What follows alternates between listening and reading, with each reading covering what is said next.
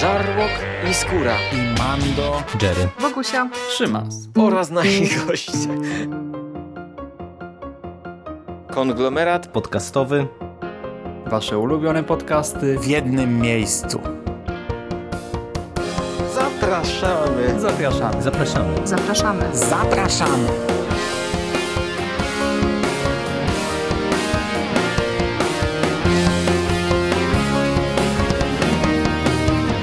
Witam w konglomeracie podcastowym, czyli na platformie, która zbiera wszystkie Wasze ulubione podcasty w jednym miejscu. A po tej stronie mikrofonu witają się z Wami ponownie Szymon Szymasz-Cieśliński z nawiedzonego podcastu i Adrian z Cinema Podcastu i pełnej sali. i pełnej sali. No. I z konglomeratu jeszcze jesteśmy. Skąd nas nie ma. Tak, witamy się ponownie e, z Lublina. E, Mamy właśnie sobotę, Zgadza się, sobota. więc porozmawiamy o Piątku, no, piątym dniu z Platform Festu. Tak, o czwartej edycji festiwalu mówimy do Was, dla Was przez cały tydzień. Dzisiaj przyszedł czas na piątek. Tradycyjnie już niejako zaczniemy od shortów, bo dzisiaj został wyświetlony czwarty i ostatni blok filmów krótkometrażowych. I e, może najpierw tak ogólnie, go oceniasz względem poprzednich? E, poprzedniego, bo Poprze- widziałeś... Poprzedniego, tak, widziałem tylko dwa i mi się wydaje, że ten blok shortów jest lepszy, aczkolwiek dopiero gdy będziemy omawiać, bo teraz tytułów nie mogę sobie przypomnieć, e, to pewnie zweryfikuję, czy jest lepszy, czy, czy nie. Mhm, Pytam Cię o to, bo właśnie moje wrażenia są odwrotne. Tak? Dla mnie raczej ten był trochę gorszy i to on, on też się troszkę wyróżnia tym, że był typowo obcojęzyczny, w sensie tutaj nie było filmów polskich, o, o to mi chodzi. Y, Blok ten rozpoczął się produkcją o tytule Zary DOS. Film szwajcarski. Adrian robi teraz wielkie oczy i Tak było coś takiego? spogląda gdzieś w dal w ścianę. To była szwajcarska, taka bardzo surrealistyczna animacja komputerowa, A, dobra. gdzie nad pustynią e, latały takie jakieś zniekształcone wielkie głowy, które gwi- gwizdały i z nich się, z jednej się wysunęły macki, z tych macek narodziło się życie pod postacią tysięcy e, nasion kotów. Tak. I potem- Latających kotów. Tak, i potem te głowy zaczęły niszczyć to, co stworzyły. Ja myślałem, że to będzie taka metafora cywilizacji, cywilizacji ludzkiej, która najpierw coś buduje, a potem niszczy. Ale potem się okazało, że te koty się zemściły, bo ich szkielety się zamieniły prostopadłościan śmierci, który zabił nasze głowy. I ja stwierdziłem, że nie rozumiem. Tak. Że, Wszystko zaczyna się w ogóle jeszcze od cytatu niczego, niczego a Strauss chyba leci w tle, więc... tak nad pięknym modrym Dunajem leci przez większość. No, więc y, no, powiedzieliśmy już o tym filmie. Ocenić go nie potrafię w żaden sposób. Ale masz jakąś w ogóle interpretację? Bo ja wymiękłem w końcu. Nie, nie, nie mam żadnej interpretacji. To jest y, takie malarskie, ale jednocześnie takie bardzo komputerowe i estetycznie mi się to nie podoba. A o czym to jest, y, nie wiem. Bo, bo to nie ma być ładne, to też trzeba zaznaczyć. Nie? To ma być troszkę takie odrzucające chyba. E, być może, ale znaczy, no, wydaje mi się, że jak już się coś takiego robi, to chociaż powinno być ładne. Dobra. E, No to przejdźmy do kolejnej produkcji, e, czyli do Złotokrwistego albo Złocistokrwistego. Jest to film e, amerykański opowiadający właśnie o tytułowej jednostce, która posiada złotą krew, jakieś złote cząsteczki w swojej krwi. E, Zaczyna się tym, że ona ucieka z ambulansu i my za bardzo nie wiemy o co chodzi i szczerze mówiąc ja do samego końca nie wiedziałem do końca E, tak. o co biega. No, gość produkuje złoto, jednocześnie tak produkując krew. E, No i każdy chce go dopaść, bo każdy chce mieć to złoto. On też chce mieć e, to złoto i oddaje krew w dużych ilościach. Nie róbcie tego, tak? Jednak krwiodawstwo powinno mieć jakiś umiar. No i generalnie, generalnie mi się to podobało. Dynamiczne, szybkie, fajne. No nie wiadomo o co chodzi, ale jako, jako tako technicznie się sprawdzało. Ja jestem na tak. Przy czym no nie jakoś, nie jakoś bardzo tak, no ale e, na tyle na ile to było krótkie, na tyle spełniało swoją rolę. Czyli było fajnym filmem akcji. Okej, skoro tak ty jedziesz. Znaczy nie, y, mnie się podobał początek, bo się czułem się zaintrygowany, ale y, potem ta sekwencja, że facet Wszystkich, chce- wszystkich chce zabić, no.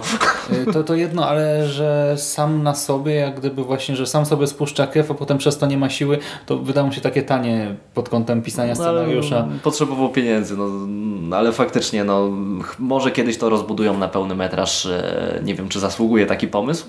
E, ale uważam, że o tyle, o ile da się, da się coś tam dopowiedzieć i z tego wychodzi w sumie jakiś tam pomysłowy short. No.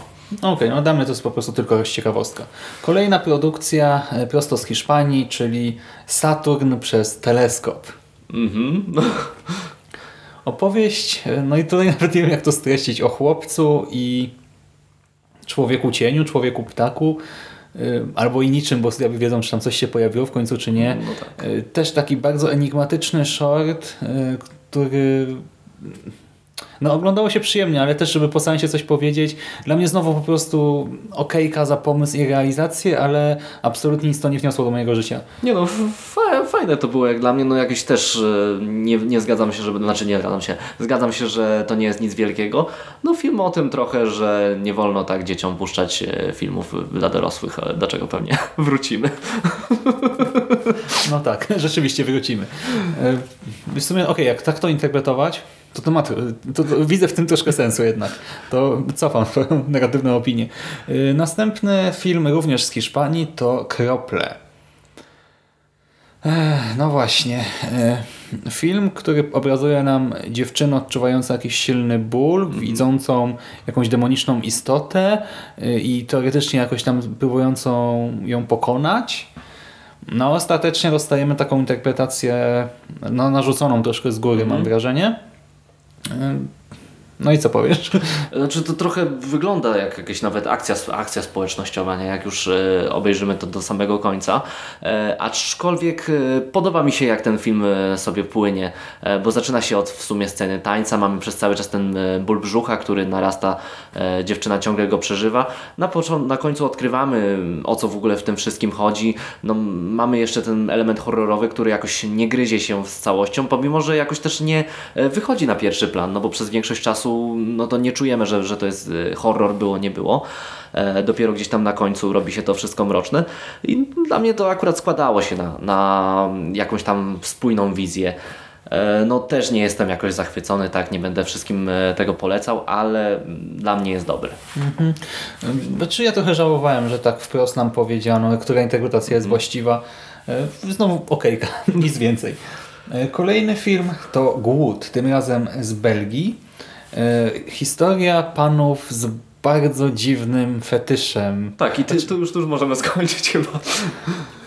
No, żeby, żeby nie zdradzać zbyt wiele, e, to jest faktycznie opowieść o gościu, który odczuwa wielki pociąg do, i tutaj też nie zdradzę, i boryka się z pogodzeniem się w ogóle e, z tym, co, co odczuwa. No to jest e, ultra specyficzne, ultra chore. Ja się dziwię, że oglądając napisy końcowe, tyle było sponsorów i tyle osób wyłożyło kasę na taki filmik, ale dla mnie to jest sztos. Naprawdę. Ale właśnie, ale... Znaczy, dobra, nie, nie możemy tego powiedzieć na głos, żeby nie zrobić spoileru, ale y, czy ty myślisz, że to, do czego on y, odczuwał pociąg seksualny było w jakiś sposób fantastyczne, nadprzyrodzone, czy jednak nie? E, jednak nie. Jednak nie, bo właśnie potem w trakcie wykładu padła taka teza, że to jednak było, była istota nadprzyrodzona, powiedzmy. No ale rzeczywiście teoretycznie y, absurd totalny, nie? Groteska, też surrealizm, tylko taki y, nie, mroczny, ciężki. Mi się to kojarzy z takim, nie wiem, opowiadaniami Grahama Mastertona, kiedy on w opowiadaniach potrafi właśnie nawiązać do różnych perwersyjnych e, zachcianek tak, ludzkich. E, I sam film bardzo, bardzo fajnie to przedstawia. Tak? E, łącznie z tym, że jest trochę nawet na granicy moralności, bo no, to spełnienie, spełnienie jest ważniejsze czasami niż, e, tak, no, czasami. W tym filmie spełnienie jest e, chyba najważniejsze, nie? Pogodzenie się z sobą i z tym, o czym się fantazjuje. No. Mhm, ale cała ta taka y, groteska i makabra, powiem Ci, że zresztą mnie ruszyło oczywiście, ale jeszcze poza tym zacząłem po prostu myśleć w pewnym momencie kurczę, no ludzie mają różne parafilie, nie? I niektórzy, nie wiem, powiedzmy z punktu widzenia faceta, tak, nie wiem, kogoś kręcą szpilki, y, nie ma problemu raczej, żeby to zaspokoić, ale jeżeli ktoś ma naprawdę taki jakiś dziwaczny fetysz, no to kurczę, to jest problem jednak w życiu, nie? No bo zaspokoić takie pragnienia właśnie jak tutaj na przykład, już aspekt moralny to jest jeszcze coś innego, nie? Ale w ogóle to, to naprawdę jest no tragedia, no umówmy się i ten taki absurdalny short mi to jakoś nam uświadomił też, nie? No bo tego jednak się nie wybiera, tak? No ja nie, nie będę wychodził poza to, co, co, co film e, mówi. Uważam, że faktycznie no, jest na granicy e, moralności, ale okej, no, jest spójną wizją, tak. E, ja uważam, że to jest świetny short. Nawet nie wiem, czy nie najlepszy, jaki widziałem na tym festiwalu. O, okej. Znaczy z dzisiejszych to rzeczywiście bym się chyba zgodził, że jest najlepszy z całego festiwalu niekoniecznie. E, Kolejny tytuł to e, w oryginale Subverse, e, a po polsku albo Otchłań, albo Podświat. I to był taki short w odcinkach. Zobaczyliśmy, nie wiem, trzy czy Trzy, trzy odcinki dokładnie. I historia się nie zakończyła, a opowiada o czymś w rodzaju darknetu, tylko że w rzeczywistości wirtua- wirtualnej. Tak jak mamy tę grę na przykład Second Life, no to tutaj mamy świat przedstawiony, gdzie ludzie są uzależnieni od takiej rozrywki, y, troszkę się izolują od społeczeństwa, nie wychodzą z domu, tylko spędzają większość czasu właśnie w rzeczywistości y, poszerzonej, alternatywnej. I tam też funkcjonuje Darknet, y, czy coś jak gdyby na wzór Deep Webu, tak, Darknetu y, i tam można zrobić coś nielegalnego, no i nasz bohater właśnie pod wpływem też troszkę różnych środków zgadza się na coś, czego potem żałuje, powiedzmy tyle może. No. I to się zapowiadało, czy realizacyjnie było ciekawe, w miarę do mnie trafiało, ta, trafiała ta wizja, y, tylko no urwała się historia i troszkę poczułem wtedy taki niedosyt. No prawdopodobnie, ja tylko tutaj gdybam, bo nie wiem e, do końca jak to jest. To jest jakiś serial internetowy, być może na YouTubie, rzucany w odcinkach. E, Te odcinki trwały mniej więcej 3 minuty, chyba każdy 4, coś takiego, e, coś ten desen i graficznie faktycznie to jest ciekawe, no nie? E, Bardzo fajnie wykorzystano tutaj, tutaj ten, taką jakąś kurczę iko- ikonki, e, ikonki, twarze, zbudowano z tego wszystkiego fajną graficzną opowieść, natomiast no, to jest cienkie, to jest cienkie, jeśli chodzi o jakieś tam przesłanie, jakieś tam wnioski, e, to jest wszystko rzucone oczywi- oczy, bardzo oczywistości. No, przedstawią nam utopię, w której ludzie żyją w tylko wyłącznie już, raczej. no, w dystopię, tak, e, w której ludzie żyją e, wyłącznie w internecie i w ogóle nie korzystają z reala, no nie? E, No i to jest takie naiwna właśnie wizja, takie tam wprost mówienie, że internet jest zły i zepsuje nam życie, jeśli będziemy się w tym pogrążać. No tak naprawdę świat nie jest tak e, zbudowany na te dwie strony medalu, nie? Jest trochę więcej tego, a tutaj tak to tam przedstawiono. I na koniec e, Emily Online, e, czyli Supernatural Offline, jak to się tam jeszcze nazywało? Unfriended. Unfriendly, tak. Tak. No, mamy samobójczynię, która po śmierci prześladuje ludzi na Skype'ie i do tego też historię miłosną. I dodatkowo to się zaczyna gdyby od shorta w shorcie, bo mamy taką scenkę, która myślałem, że to w ogóle że jest zamknięta historia i potem, że to co zobaczyliśmy po chwili, e, zwłaszcza, że tam się język zmienił, bo zaczęło się po angielsku, potem przeszliśmy na francuski bodajże, a to też jest e, produkcja właśnie francuska. Myślałem, że to jest kolejny short, a to się okazało, że to jest po prostu ciąg dalszej opowieści. No ja nie lubię właśnie Unfriended, tak, więc już troszkę byłem sceptyczny od początku i mm, też mam mieszane uczucia, szczerze mówiąc. No to chyba się zgodzimy tutaj, że, że znaczy ja lubię, lubię w sumie, jak to się nazywało, tak? No Unfriended, e, przyjmijmy ten tytuł. E, no, albo Cybernatural, tak? E, no i generalnie ja lubię, lubię tę wersję długometrażową, a tutaj mamy coś w sumie w stylu remake'u, tylko że krótkometrażowego, co jest jeszcze lepiej wykorzystane, tylko że kończy się takim jak, jakimś melancholijnym e, zakończeniem, co zupełnie jakoś nie pasuje tak do, do całości. Z tym mam problem, bo w zakończeniu jeden z bohaterów jest tak niewiarygodny w tym, co robi. To tak nie ma sensu. To, to ta jego decyzja, no nikt by tak nie postąpił, serio, no nie wierzę. No, no i tutaj zakończenie jakoś mi się gryzie, e, pomimo że ładna muzyczka dzięki tej melancholii leci sobie na napisach końcowych, no to generalnie to nie pasuje. No i tak jak słyszycie, jestem tak, wszystko tak okejka, albo troszkę mech. Ten jeden tytuł rzeczywiście głód. No po pierwsze właśnie coś z niego wyciągnąłem dodatkowo, po drugie jest sprawnie zrealizowany, napięcie też bardzo buduje, mamy taki klimaks, to wszystko narasta, tam eskaluje. To jak właśnie bohater sobie radzi z tym swoim fetyszem, w końcu podejmuje jakąś tam ważną decyzję na końcu. To rzeczywiście było też ładnie nakręcone, dobrze skomponowane, nieźle napisane, a cała reszta dla mnie dzisiaj po prostu takie średniaczki. No tak, tylko że ja miałem podobną opinię wczoraj, nie? że też wyróżniłem jeden film, a reszta dla mnie nie była tak ważna i tutaj też E, wyróżniam jeden film, ten Głód jest e, absolutnie wart zobaczenia. No, poszukajcie go, zobaczycie w ogóle o co chodzi, e, jaki fetysz e, tutaj omawiamy i będziecie przerażeni. Jak już nawet nie chcecie tego oglądać, to może przeczytajcie opis. No. Myślę, że wielu wystarczy. Tak. I zaraz po bloku filmów krótkometrażowych udaliśmy się na prelekcję pod tytułem Teatr Wampirów, PRL-owski horror telewizyjny i prelegentką była Magdalena Kamińska. Tak. I teraz e, w skrócie, tak jak mówiłem, że prelekcja wtorkowa była wzorcem złej prelekcji, złego wystąpienia, tak dzisiaj na odwrót to była e, pod wieloma względami wzorcowa prelekcja. Naprawdę byłem bardzo, bardzo zadowolony. Jeżeli nie wiecie e, czego dotyczyła, bo ten temat w sumie niekoniecznie to zdradza, to chodziło o produkcje w dużej mierze telewizyjne, właśnie z epoki PRL-u, które może kojarzycie jako ten cykl opowieści niesamowite czy opowieści niezwykłe i także o kilku innych podobnych produkcjach, które się do tych cykli e, nie zaliczają. E, Usłyszeliśmy e, właśnie sporo ciekawostek ich dotyczących i aktorów, którzy w nim grają, troszkę też analizy. W ogóle mm, i pod kątem właśnie filmoznawczym i troszkę literaturoznawczym tej wiedzy było sporo. Całość była prowadzona tak ekspercko, jak wykład ekspercki, ale zarazem myślę przystępnie. Raczej nikt się od tego nie odbił. Na sali, no naprawdę nie wiem, no może prelegentka mogłaby zrobić do tego jeszcze slajdy po prostu, żeby nie szukać obrazków w międzyczasie e, czy coś takiego, bo poza tym pod kątem tego, co właśnie nam przekazała, to dla mnie 10 na 10 po prostu. Mhm. Nie, nie, ja tylko mogę się pod tym podpisać. E, Pani Magdalena Kamińska, no perfekcja, tak. E, żadnego jąkania się, prawie żadnych y, czy coś tam. Płynnie, fachowo, z doborem słownictwa, z olbrzymią wiedzą. E, przekazano nam e, mnóstwo informacji właśnie o horrorze, który, e, no krótkometrażowym bądź średniometrażowym horrorze właśnie telewizyjnym, e, który w sumie nie jest tak popularny w podręcznikach, czyli to jest też temat, który, wycze, który no, poznałem coś nowego, tak. Na początku zobaczywszy tytuł prelekcji nawet zastanawiałem się, czy chcę iść na to, czy nie. Okazuje się, że dużo bym stracił.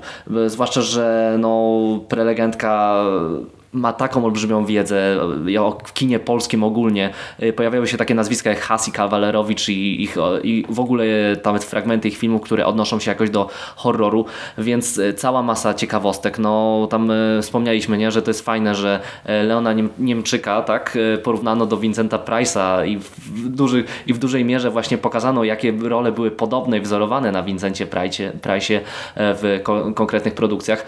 E, Ultra masa ciekawostek. No i w ogóle prelegentka tak bardzo ładnie się uśmiecha, gdy oglądała te e, fragmenty, które nam prezentowała, że no, dodatkowy plus, także 10 na 10 plus. No właśnie w ogóle sprawia wrażenie takiej przysympatycznej osoby. Tak. No. I y, z taką ogromną pasją, że to się chłonęło po prostu z wielką przyjemnością. No to nie ma co więcej mówić. Naprawdę świetna sprawa i też powiem Ci, że y, bo ja kojarzę właśnie te cykle, też powiedziałeś, że je omawiałeś wcześniej y, i teraz aż mam ochotę sobie to odświeżyć po prostu po tym wystąpieniu. Takie było dobre. Hmm. Mam nadzieję, że za rok Pani też się pojawi. No ja na to, ja na to liczę. No. Kosztem, kosztem ch- choćby kilku prelegentów, które... Za, za wszystkie prelekcje może. No, Nie, a czemu nie? Dobra, czyli y, teraz właśnie takie bardzo pozytywne zaskoczenie. I kolejny tytuł, który chyba też był bardzo pozytywnym zaskoczeniem, czyli Lato 84, tak? Y, Jest to produkcja amerykańsko-kanadyjska z tego roku i opowiada o właśnie lecie roku 1984, o amerykańskich przedmieściach zamieszkiwanych przez grupę 15-letnich przyjaciół, Y, w okolicy ginie dziecko, czy ginie, y, znika, tak? Zaginęło jedno dziecko i jeden z bohaterów zaczyna podejrzewać swojego sąsiada o to, że być może jest zamieszany właśnie w porwania dzieci. W międzyczasie okazuje się, że tych porwań było więcej, że mam do czynienia z seryjnym mordercą i nasz chłopiec y, strasznie się nakręca, ma obsesję troszkę na tym punkcie. Jest święcie przekonany, że za wszystkim stoi jego sąsiad, chociaż nie może znaleźć żadnych sensownych dowodów na to i obserwujemy właśnie takie szczęśliwe, beztroskie lato e, w tamtych czasach, dzieciaki, które prowadzą własne śledztwo, e, które niby tam sobie dopiekają, ubliżają swoim matkom, ale to wszystko jednak ostatecznie kończy się taką, takim braterstwem, e, taką naprawdę świetną, sympatyczną przyjaźnią. Mamy też y, sympatyczny wątek romansowy, takiej młodzieńczej miłości do troszkę starszej dziewczyny. I e, na koniec ostrzejszy horror i też troszkę taką krytykę społeczną, bo okazuje się, że ta rzeczywistość przedmieść e, no niekoniecznie, znaczy nie tylko w oczach dziecka może być właśnie, nie tylko w oczach takiego dziecka troszkę paranoika, fana teorii spiskowych może być mroczna. E, te przedmieścia właśnie ogólnie mogą mieć pewne tajemnice niezbyt przyjemne. No, no to jest pomieszanie trochę takiego motywu z Blue Velvet Lyncha, gdzie faktycznie przedmieścia skrywają jakieś mroczne sekrety. No, na pierwszy plan wysuwa się pomysł wyjściowy, który jakoś przypomina mi okno na podwórze Hitchcocka. Faktycznie chło, tak, no, chłopiec obserwuje cały czas sąsiada, podejrzewa go o coś e, i musimy się za- zastanowić, czy to jest zasadne podejrzenie, czy nie. A w tym wszystkim oczywiście jest motyw e, czterech chłopców e, wzięty rodem z kina nowej przygody, tylko przemielony przez tą e, wizję kina nowej przygody współczesną. No, jak mieliśmy co prawda Stranger Things, e, że tam, e, tam nie ma jakiejś tam ultra e, przemocy czy jakichś wulgaryzmów, tak już w takich filmach jak To, Nowe To, adaptacja Stephena Kinga czy Super Dark Times, które można obejrzeć na Netflixie, no to już tam ta, te filmy wyznaczyły to, w jakim tokiem potem podąża lata 84 i faktycznie jest takim pokazem fajnej przyjaźni, no nie chłopięcej, z mnóstwem fajnych docinek, no tam jak w Super Dark Times było, były takie docinki, które zapamiętałem na bardzo, bardzo długo, tak tutaj je przebijają zupełnie. E, przez większość czasu, przez większość tego filmu e, to wszystko jest bardzo, bardzo zabawne, bardzo, bardzo śmieszne, ale potem, gdy ta linia fabularna, która na początku wydawała mi się wątpliwa, no bo Mamy tylko cały czas obserwowanie, kombinowanie z tym sąsiadem, e, czy on jest tym mordercą, czy nie. Tak na samym końcu zakończenie jest ostrym, ostrym niespodzianką, e, w sensie nie idzie to jakoś schematycznie, nie idzie to tak e, w sposób, w jaki możemy to e, przewidzieć do samego końca. Podoba mi się, w jaki sposób klimat się zmienia tego filmu, atmosfera, w jaki sposób odbija to w którąś stronę i całość tworzy fajny film, który no, na początku myślałem, że kolejny raz znowu 80 znowu tam jazda po nostalgii, ale kolejny raz zaskoczono mnie pozytywnie. Znowu film na tym samym schemacie i, i tak wygrywa. No. Y, Tutaj przez dwie trzecie filmu mamy po prostu dwie drogi do wyboru. Tak? Mhm. Albo y, film pójdzie w lewo, albo w prawo. I tutaj no, każdy może powiedzieć, a przewidziałem, tak? No bo nie ma za bardzo innych opcji, tak? Właśnie wóz albo przewóz.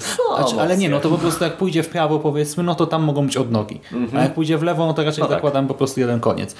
A tu się nagle okazuje, że rzeczywiście e, w tej ostatniej jednej trzeciej, jednej czwartej to wszystko totalnie się modyfikuje, e, zniekształca, zaskakuje nas. I w ogóle te, te, ta pierwsza część e, to jest film familijny w dużej mierze. Tam właśnie jest mało takiej typowej grozy, to jest takie napięcie dla dzieciaków, ale ja Ci powiem, że ja miałem 200% imersji. Ja się tak wczułem, że nawet w tych momentach, które właśnie dla dorosłego są zupełnie, wiesz, niby y, no, zupełnie na luzie do przyjęcia, a dla dzieci byłyby emocjonujące, to ja po prostu siedziałem jak na szpilkach. Zresztą chyba widziałeś, nie? Ja też, y, to mi nawet Piotrek wypomniał, że trzy razy krzyknąłem. Ja pamiętałem tylko, że raz krzyknąłem. O Jezu, na pół sali. Ale podobno trzy razy mi się zdarzyło. Y, tak. Strasznie po prostu się tym wszystkim przejmowałem. Przeżywałem te, te wszystkie te emocje, śmiałem się z tych gagów y, i sobie myślałem cały czas, że to jest film, który będę oglądał z dziećmi. Będę im pokazywał już, nie wiem, jak będą tak, no może nie, tam wiesz, Ja się śmiałem, że, że będziesz uczył ich bluzgów na, tak, na żonę w zasadzie, jeśli z dziećmi byś oglądał, bo Ale- faktycznie te docinki są ostre. ale tam pod koniec y, napięcie tak wzrasta i już mamy taką grozę raczej dla dorosłych, że rzeczywiście trzeba po prostu, mamy taki jak gdyby fejkowy finał, nie? bo historia doprowadza się do pewnego momentu. W tym miejscu trzeba wyłączyć telewizor, powiedzieć dzieci spać i potem można resztę właśnie z żoną obejrzeć. Ale nie, naprawdę, dla mnie to jest 10 na 10. Ja byłem, ja nie mam, dla mnie tutaj nie ma żadnych wad. To był dla mnie film idealny na dzisiejszy dzień. No dobra, znaczy wiesz, jakbym miał się czegoś czepiać, to, to chyba tylko ta muzyka, jeśli chodzi o te synth klimaty, no to ona jakoś nie jest tak bardzo charakterystyczna jak na przykład w Stranger Things y, czy, czy, czy, czy wspomnianym Super Dark Times. Ale no, generalnie to jest dobry film. No, nie będę tu rzucał ocenami, ocenami skalowymi, bo jeszcze muszę, muszę to doprecyzować, ale na pewno dobra rzecz, na pewno warto zobaczyć. Nie? Będziecie mieli okazję na warszawskiej edycji, to wybierzcie się, no bo no, fajnie, fajnie to się ogląda w kinie. Ja celowo mówię oddycha, bo naprawdę ja, ja byłem zachwycony. Ja tutaj nie było ani jednego elementu, który by mi się nie podobał i muzycznie też on mi pasował. Znaczy, wiesz, czy to jest charakterystyczne, czy nie, no to trudno mi oceniać, ale ta ścieżka dźwiękowa mi się bardzo też podobała, więc ode mnie naprawdę e, bardzo, bardzo szczere, re, bardzo, bardzo szczera rekomendacja. Idźcie, jeżeli będzie okazja. Warto.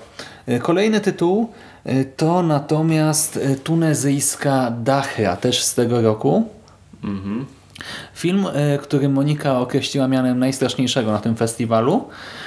Jest to opowieść o grupie studentów, trochę w klimacie Blair Witch Project, bo są to studenci dziennikarstwa, którzy mają przeprowadzić jakieś małe śledztwo i nakręcić e, na tej bazie reportaż, film nakręcić, tak? E, W formie reportażu.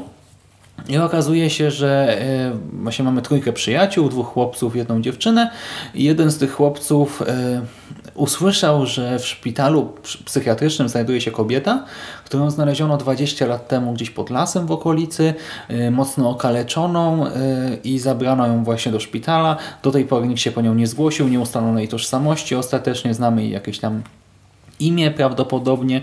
E, Wiemy, że kobieta bywa niebezpieczna i właśnie też w ostatnim czasie doszło do jakiegoś tam wypadku w tym szpitalu. No i w związku z tym, że nasi studenci nie mają żadnego innego pomysłu na swój materiał, to postanawiają zbadać tę sprawę i e, też dotrzeć do tego miejsca, gdzie ciało zostało odnalezione i być może ustalić jakieś inne informacje.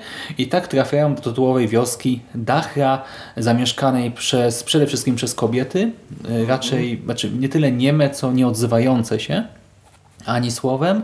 E, Wioski pełnej mięsa, różnych e, wędlin i wnętrzności zwierząt porozwieszanych tu i ówdzie e, oraz kus, czarnych w dużej mierze kus. No i co powiesz o tej produkcji? E, Ja mam olbrzymi, kurczę, jestem rozdarty w, tej produkcji. Już e, widząc dwie pierwsze sceny, dwa, dwie pierwsze sekwencje, które otwierają, to ja widzę różnicę między ich jakością, bo e, film otwiera taki master shot, błądzący po jakimś miejscu rytualnym, gdzie w ogóle zobaczymy ofiarę składaną z dziecka już w pierwszej scenie i to jest mocna scena, to jest nakręcona w taki bardzo e, arthouse'owy powiedziałbym sposób, kojarzący mi się z takim filmem Biały Cień, e, który też opowiadał o rytuałach, tylko że w, tam w tym wypadku e, chyba w, e, jak, w jakiejś Afryce Południowej.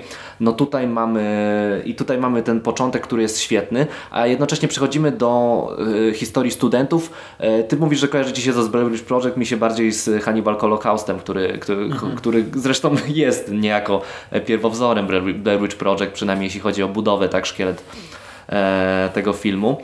No ale w każdym razie mamy historię grupy studentów, którzy trochę od czapy wybierają sobie temat, e, którzy potem, e, którzy zachowują się głupio już od samego początku. To jest e, taka troszkę banda ciemny, ciemnych osóbek, w, sensie, w sensie takich, takich charakterków, które raczej wkurzają profesora i nie mają za bardzo pomysłu, żeby zrobić ten projekt. No mają swoją szefową, która jest bardziej rozgarnięta i mamy dwóch W sensie tę studentkę, dziewczynę, Tak, potem no. liderkę, nie no liderkę, no tak. e, I, I mamy dwie osoby, które tam współpracują z nią i generalnie one już nie są zupełnie rozgarnięte. E, I to wszystko jest taki slasherowy motyw. E, Kilka osób przypadkiem trafia do złego miejsca i popełnia całą masę błędów, a przy okazji jeszcze e, właśnie w tym, w tym miejscu dochodzi do takich zbiegów okoliczności. I w tym wszystkim jest z jednej strony ten element wschodu, który jest przedstawiony jako taki zupełnie nam nieznany, takie jakieś właśnie folkowe e, wstawki, e, kult, kult e, i w ogóle ta cała wizualna strona tej wioski, która jest rewelacyjna, no generalnie jest przerażająca, jest jakaś taka dziwna, jest taka nieznana, jest tym czymś, Tunezja, taki horror, tego jeszcze nie widzieliśmy w takim zestawieniu, a jednocześnie mamy ten motyw taniego slashera, który mi się zupełnie tnie. I w ostatecznym rozrachunku no, wychodzi z tego coś niezłego, ale spodziewałem się więcej, szczerze mówiąc. No właśnie, spodziewałem się więcej. Ja nie wiem, czy Monika troszkę nie skrzywdziła tego filmu przypadkiem, e, bo nakręciła mnie strasznie. Ja byłem nastawiony na jakiś po prostu cudo, na którym ja będę właśnie krzyczał. A w sumie nie wiem, krzyczałem na dachsze coś? Nie, Nie. Ale ty reagujesz na jumpscary, które są...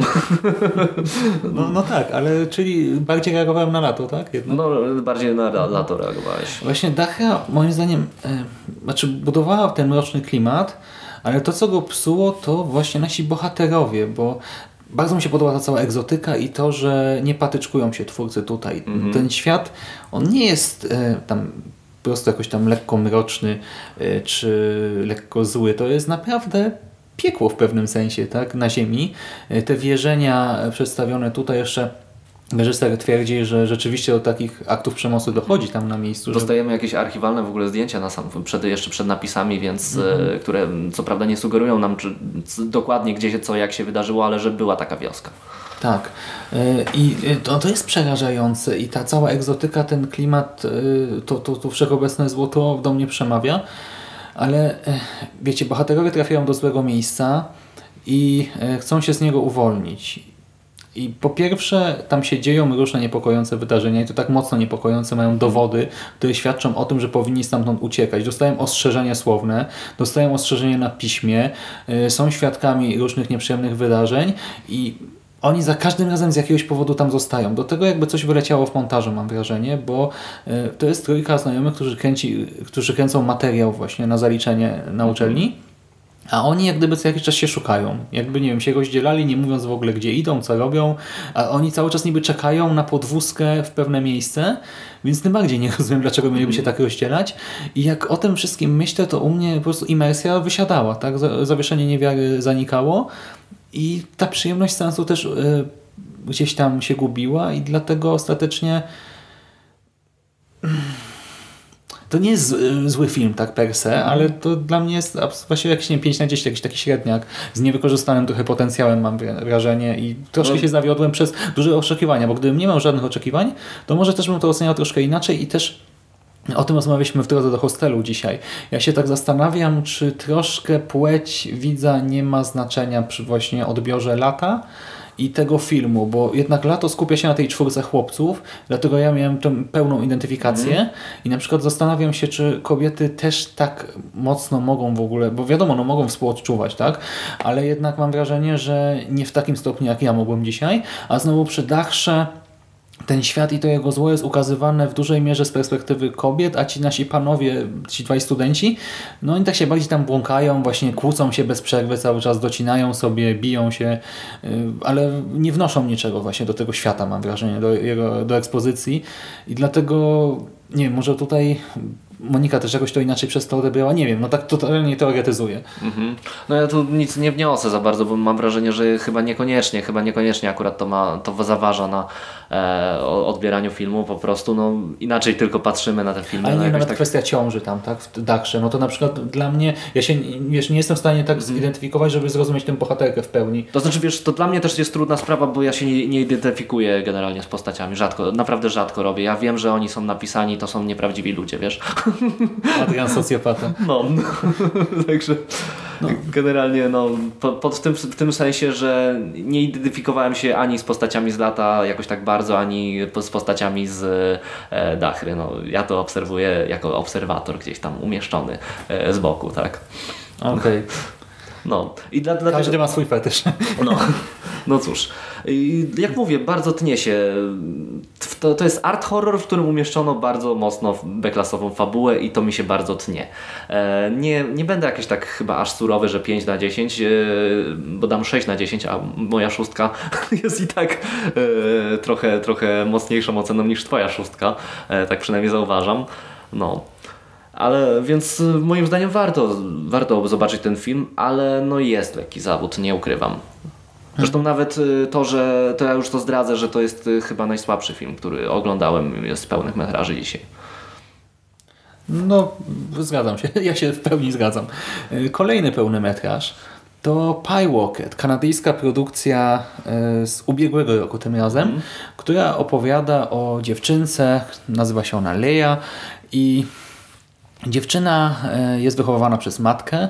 Matka nie może się pogodzić ze śmiercią męża, źle się czuje we własnym domu, dlatego e, niejako narzuca córce przeprowadzkę i w trakcie tej przeprowadzki dochodzi między nimi do konfliktu. No, wiadomo, dziewczyna nie chce się na to zgodzić, no bo to oznacza zmianę szkoły, też w dalszej perspektywie zmianę przyjaciół, yy, robi się trochę opryskliwa, matka znowu widać, że ma problem z alkoholem, właśnie nie radzi sobie z tą tragedią życiową, też jest strasznie zestresowana i to jakoś tak eskaluje, że matka mówi o kilka słów za dużo i to mówi naprawdę takie słowa, mm że mnie zatkało. Ja no, nawet dosłownie mi ręce opadły, tak? Gdzieś tam w dół. To była bardzo smutna scena i dziewczyna w tym momencie, jako że e, troszkę interesuje się czarną magią, e, w tych nerwach odprawia rytuał przywołania tytułowego Pyroketa. No i wiemy, czym to się zakończy. Tak? Do czego to może zmierzać przynajmniej. Tak w, no. no ja nie wiem, w prawdziwym życiu pewnie zmierzałoby do tego, żeby straciła trochę krwi i tyle. No, ale mówimy o kinie gatunkowym, tak, kinie, pojawia tak. się oczywiście jakaś dziwna siła najprawdopodobniej i dzieją się różne złe rzeczy. I ja się obawiałem e, jeszcze przed seansem na etapie tam jakoś poznawania materiałów promocyjnych, że to będzie taki strasznie młodzieżowy filmik, troszkę mhm. jak e, Sześć życzeń chyba omawiałem ostatnio taki horror. E, Okej, okay, nie słyszałem akurat tego. Tak mi się wydaje, że taki był tytuł, ale też jest 100% pewności nie To cofnij, że 13 powodów albo Jezioro ma marzeń, że omawiałeś po, na wiedzonym podcaście 56 tam. No. W każdym razie bałem się, że to będzie troszkę tak mocno, zbyt mocno stargetowane na młodego odbiorcę. Właśnie ostatecznie okazało się, że nie, że to jest tak całkiem sensownie e, wyważone. I do tego ten film e, pod koniec, i ta końcówka przychodzi tak nagle w mojej ocenie, mm -hmm staje się naprawdę strasznie mroczny i pesymistyczny i daje nam troszkę w twarz. I ja byłem e, właśnie tak dwóch trzecich, znowu tak myślałem sobie, że mm, to mi się może nie spodobać, a po finale byłem jednak content. Mhm. Okej, okay. E, to ja na początek niepokorny Adrian odszczekam troszkę to, co powiedziałem o Lecie i Dachsze, bo tutaj pewna identyfikacja z bohaterką była. E, generalnie bohaterka sama jest e, członkiem subkultury heavy metalowej, no z przełożenia na black metal, aczkolwiek widzę, że ma naszywki Hima, więc nie wiem już do końca czego ona słucha, być może sam reżyser nie wie do końca. Na no ale generalnie właśnie mamy zbuntowaną nastolatkę, e, która nie może się pogodzić z matką, tak, i przychodzi ta siła nadprzyrodzona i faktycznie to jest strasznie fajnie zbudowany film, jeżeli chodzi o konwencje, z których on czerpie. My oglądaliśmy na poprzednim splacie takie filmy jak Show Yourself albo Another Evil. Wtedy nie umiałem zupełnie na nazwać tego, z czym były te filmy, natomiast teraz wiem, że tamte filmy reprezentowały coś takiego jak Mumblecore, e, czyli coś, co na przykład też w horror tak jak Dziw dziwak e, reprezentuje. No, w tym wypadku mamy trochę właśnie taką mumblecore'ową e, podstawę w Paywalkecie, no ale mamy również właśnie te kino młodzieżowe, które jest dużym, tutaj dużą podstawą. Problemy młodzieżowe się tutaj prze, prze, przeciskają i ponad to wszystko góruje tam ten mroczny horror, który tutaj jest wtopiony rewelacyjnie w to wszystko. Dla mnie to jest największe właśnie pozytywne zaskoczenie festiwalu na ten moment, bo w Paywalkecie groza e, eskaluje bardzo, bardzo powoli. Ona jest cały czas obecna, ale tam zupełnie nic nie wyskakuje ci z zakadru, e, przynajmniej nie non-stop. E, tam rzeczy się pojawiają i wbrew nawet e, modzie na jumpscary, e, jeśli coś się pojawia i coś wychodzi nagle, to ona tam już zostaje. I ono jest cały czas i to tworzy mega, mega fajny klimat e, horroru, który jest obecny z nami przez cały czas. Nie to, że nagle każe nam czekać na jakieś, na jakieś nagłe ataki, nie od wywołania demona do samego końca czujemy, czujemy atmosferę osaczenia. I to jest zbudowane, budowane fajnie w opowieść obyczajową, która, którą obserwuje się również okiem e, osoby, e, takiej osoby, która właśnie czuje te problemy, czuje te dylematy e, głównej bohaterki. E, więc fajna obyczajówka z demonem w tle i to wszystko, to wszystko jest zbudowane z absolutnie świadomością e, z takiej konwencji właśnie jak Mumblecore, jak Sundance, e, ze świadomością, że niektóre elementy stapiają się, tworzą taki właśnie klimacik, taką, taką atmosferę, która trzyma nas przy ekranie, która tworzy taką jakąś niesamowitość, zainteresowanie widza. No dla mnie to jest fajnie ułożone puzzle z wielu elementów. E, ja tutaj też miałem troszkę problem z zachowaniem bohaterki mm. w samym środku filmu, bo ona dokonuje pewnego znaleziska i tam trochę dziwnie postępuje w tym momencie i też dostaje bardzo absurdalną wskazówkę od y, takiego troszkę guru, jeżeli chodzi o czarną magię, który istnieje w tym świecie przedstawionym. No absurdalną poradę tutaj y, słyszy w pewnym momencie, ale to są moje jedyne jakieś zastrzeżenia, bo poza tym ten film naprawdę fajnie zaskakuje i fajnie straszy. Ja może rozwinę tę twoją myśl, że nie jumpscarami, a czymś innym. Dwie rzeczy. Po pierwsze... Mamy dość długą sekwencję, gdzie obserwujemy e, właśnie nie działanie potwora, a skutek tego działania, czyli przestraszoną bohaterkę. E, Widzimy młodą osóbkę, która jest absolutnie przerażona. Nie wiemy, co się wydarzyło. I to działa tak na naszą wyobraźnię i tak nas porusza, bo jeszcze tutaj aktorsko to zagrało bardzo mocno, bardzo dobrze. Yy, Świetna sprawa właśnie. Nie musimy zawsze pokazywać yy, tego królika z kapelusza. Możemy pokazać tylko Efekt, no. tak, to jest jedna rzecz. A druga, gdy już pojawia się ten królik, demon, upiór, y, to on jest. On, on nie pojawia się, żeby właśnie wyskoczyć za ściany i zniknąć, tylko on po prostu chodzi po tym świecie. Tak trochę jak w coś za mną chodzi, nomen omen. Że tam sobie troszkę podąża po tej okolicy i to jest przerażające właśnie. Nie, że on wyskoczy za drzewa zaraz i huknie nam dźwięk w uszy, tylko że on tam jest i będzie za nami podążał. I finał, no finał jest mocny. W ogóle te wszystkie filmy dzisiaj były tak smutne, jeżeli chodzi o wydźwięk ogólny. Y, To nie były y, czasami nawet takie typowe jakieś y, smutne zakończenia per se, że zło wygrywa w 100%, ale, No niestety nie. ale ostatecznie wydźwięk był negatywny z wszystkich czterech filmów. E, No, zaraz, zaraz przejdziemy do czwartego pewnie, no ale no mówię, dla mnie to jest absolutnie największe, największe pozytywne zaskoczenie, przy czym ja, ja wierzę, że niektórzy się odbiją od tego filmu, bo on jest tak specyficzny e, w wielu momentach, że no, nie wszyscy go przetrawią. Ale ja polecam sprawdzić, bo to jest nawet, nie, nawet za tą nietuzinkowość. No nie? Zobaczycie coś, co, czego myślę nie zobaczycie często w horrorze. Ja też absolutnie polecam. I ostatni tytuł, czyli Nóż i Serce. Produkcja, no właśnie, francusko-meksykańsko-szwajcarska e, z Vanessą Paradis e, w roli głównej. E, Film, który opowiada, znaczy został zainspirowany historią prawdziwej producentki gejowskiego porno. I opowiada właśnie o losach e, takiej postaci e, zakochanej, e, właśnie też homoseksualnie w swojej montażystce ze swojego studia producenckiego. E, Ten związek nie układa się najlepiej aktualnie, a do tego w to wszystko mamy wmieszane wątki rodem z Giallo, gdyż ktoś e, w czarnych rękawiczkach morduje po kolei aktorów grających w filmach tej wytwórni. I my obserwujemy po pierwsze jak się rozwija, czy też rozpada bardziej ten związek naszej głównej bohaterki, a po drugie e, śledztwo troszkę w sprawie tych poszczególnych zabójstw. Mhm. E, To ja zacznę od tego, że to jest chyba jeden z najbardziej oczekiwanych filmów e, na tym festiwalu przeze mnie, dlatego że jestem wielkim fanem Jana Gonzaleza, e, twórcy.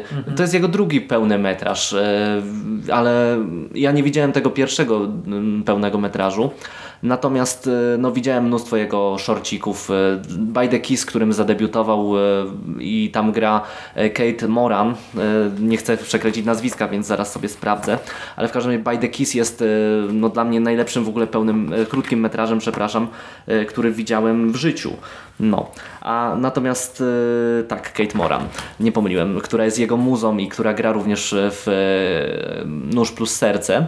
No, natomiast e, twórczość tego reżysera jest dla mnie niesamowicie magnetyzująca pod wieloma względami. Po pierwsze, on ukochał sobie e, takie poetyckie mówienie o miłości. Jego filmy są e, tak jakby nawet listami, listami miłosnymi i to brzmi teatralnie owszem, ale on tak to bardzo fajnie stapia z obrazem, że w jego twórczości brzmi to naturalnie. A druga sprawa, on właśnie kocha camp, kocha e, konwencje gatunkowe.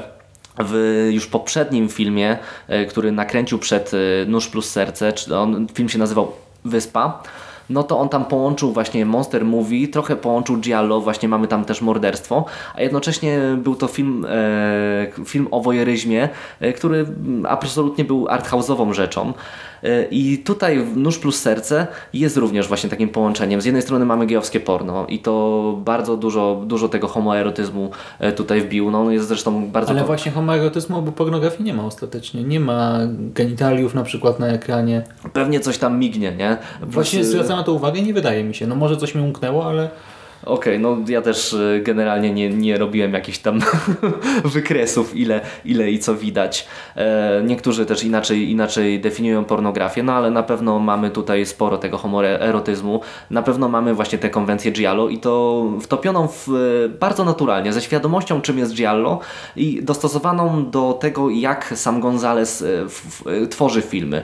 I tutaj nie mamy takiego jakiegoś by, jak, tak jakby w sumie upodabniania filmu na siłę do Giallo, nawet jakichś takich bezpośrednich Ale wtapianie, cytatów. nie, dla mnie to jest giallo po prostu. To nie jest wtapianie, hybrydyzacja czy coś takiego. Ja ci powiedziałem po seansie, tak? Sorry, że tak się wciąłem, ale. No tak. aż mnie uniosło troszkę, że gdyby ktoś mi powiedział, że to nakręcił któryś z wielkich mistrzów giallo, ja pewnie bym uwierzył, bo dla mnie y, tutaj ta konwencja jest właśnie tak sprawnie poprowadzona Mhm. i te wszystkie elementy i to kadrowanie tych y, zabójstw też w dużej mierze. Okej, tutaj też mamy tę twarz cały czas, ale twarz w masce jednak, więc to też pasuje, tak?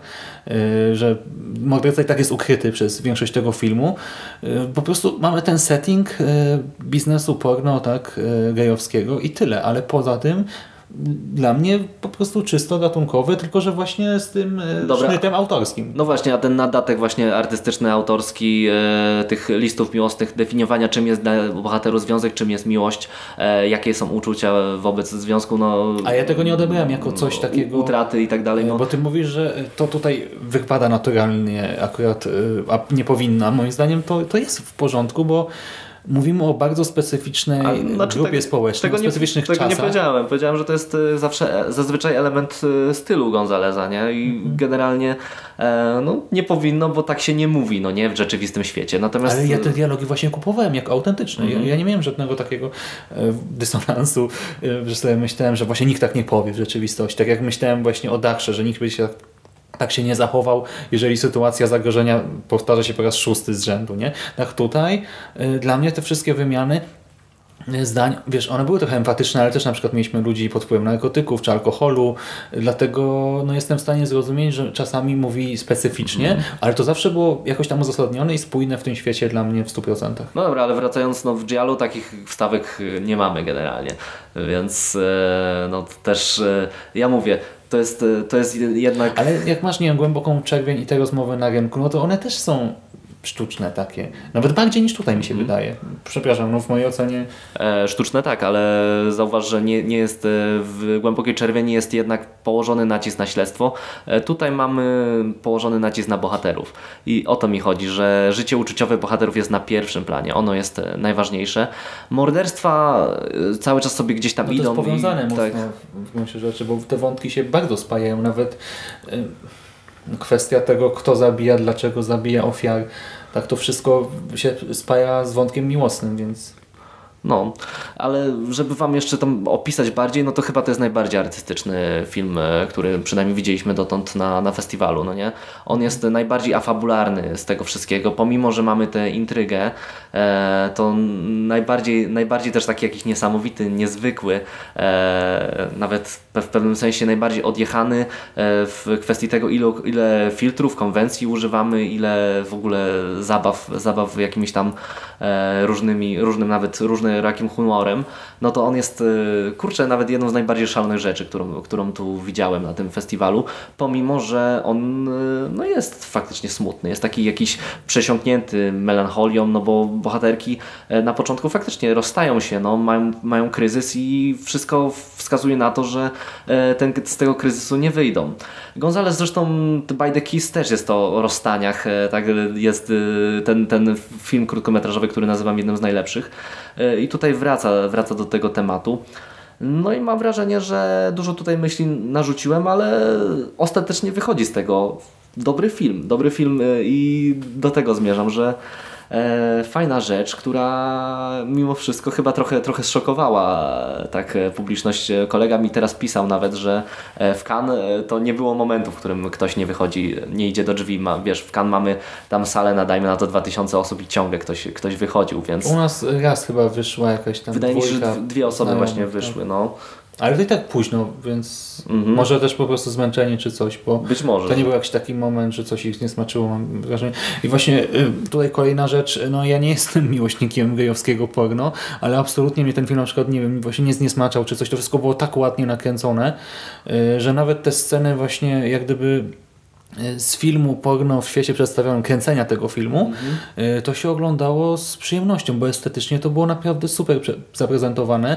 Y, Do tego ten y, color grading przez cały ten film. Momentami mieliśmy sceny no właśnie jak u Argento troszkę, tak? Te kolory były tak nasycone i tak właśnie kampowe, przerysowane w sensie, że niby mieliśmy jakieś tam oświetlenie, ale ono powinno działać trochę inaczej, a jednak było na potrzeby właśnie danego kadru y, troszkę sztucznie właśnie wyolbrzymione, czy tam mm, nie wiem jak to ująć, tak, bo się nie znam na y, też y, tych wszystkich technikach, ale no, efekt końcowy był naprawdę niesamowity. Do tego właśnie, tak jak mówisz, tych filtrów stosowano wiele.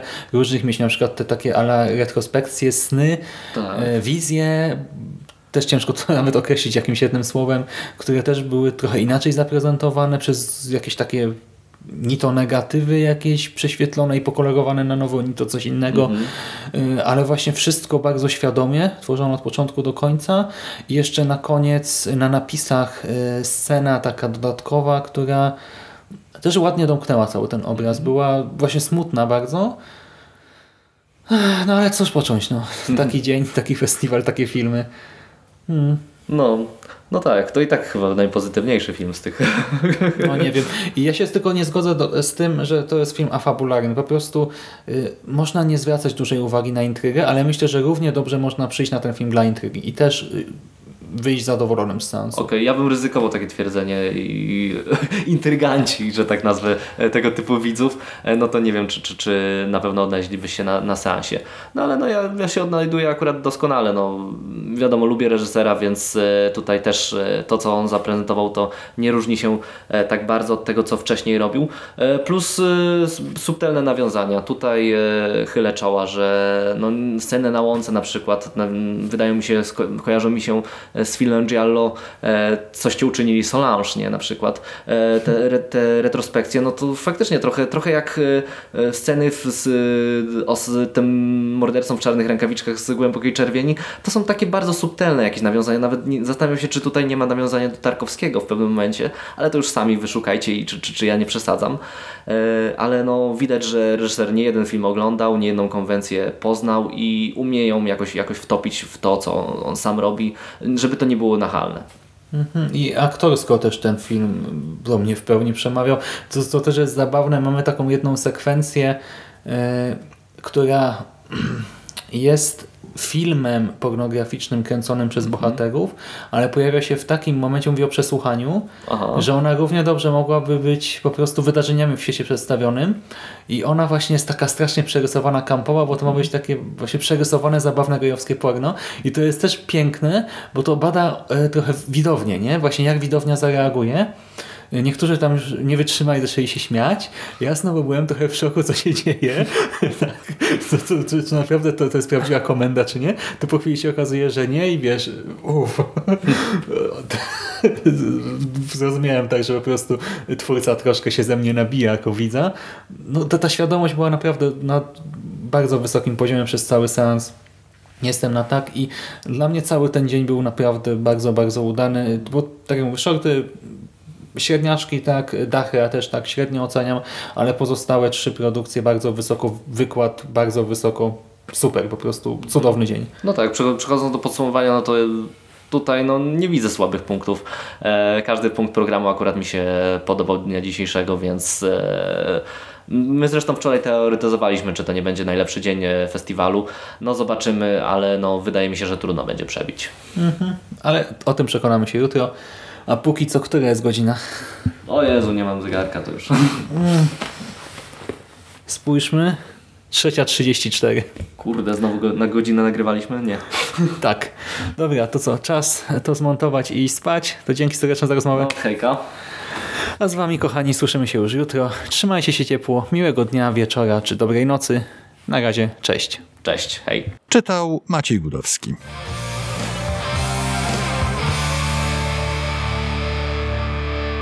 You finished? That's it, man. It's game over, man. It's game over. What the fuck are we gonna do now? What are we gonna do? It's over. Nothing is over. Nothing. You just don't turn it off.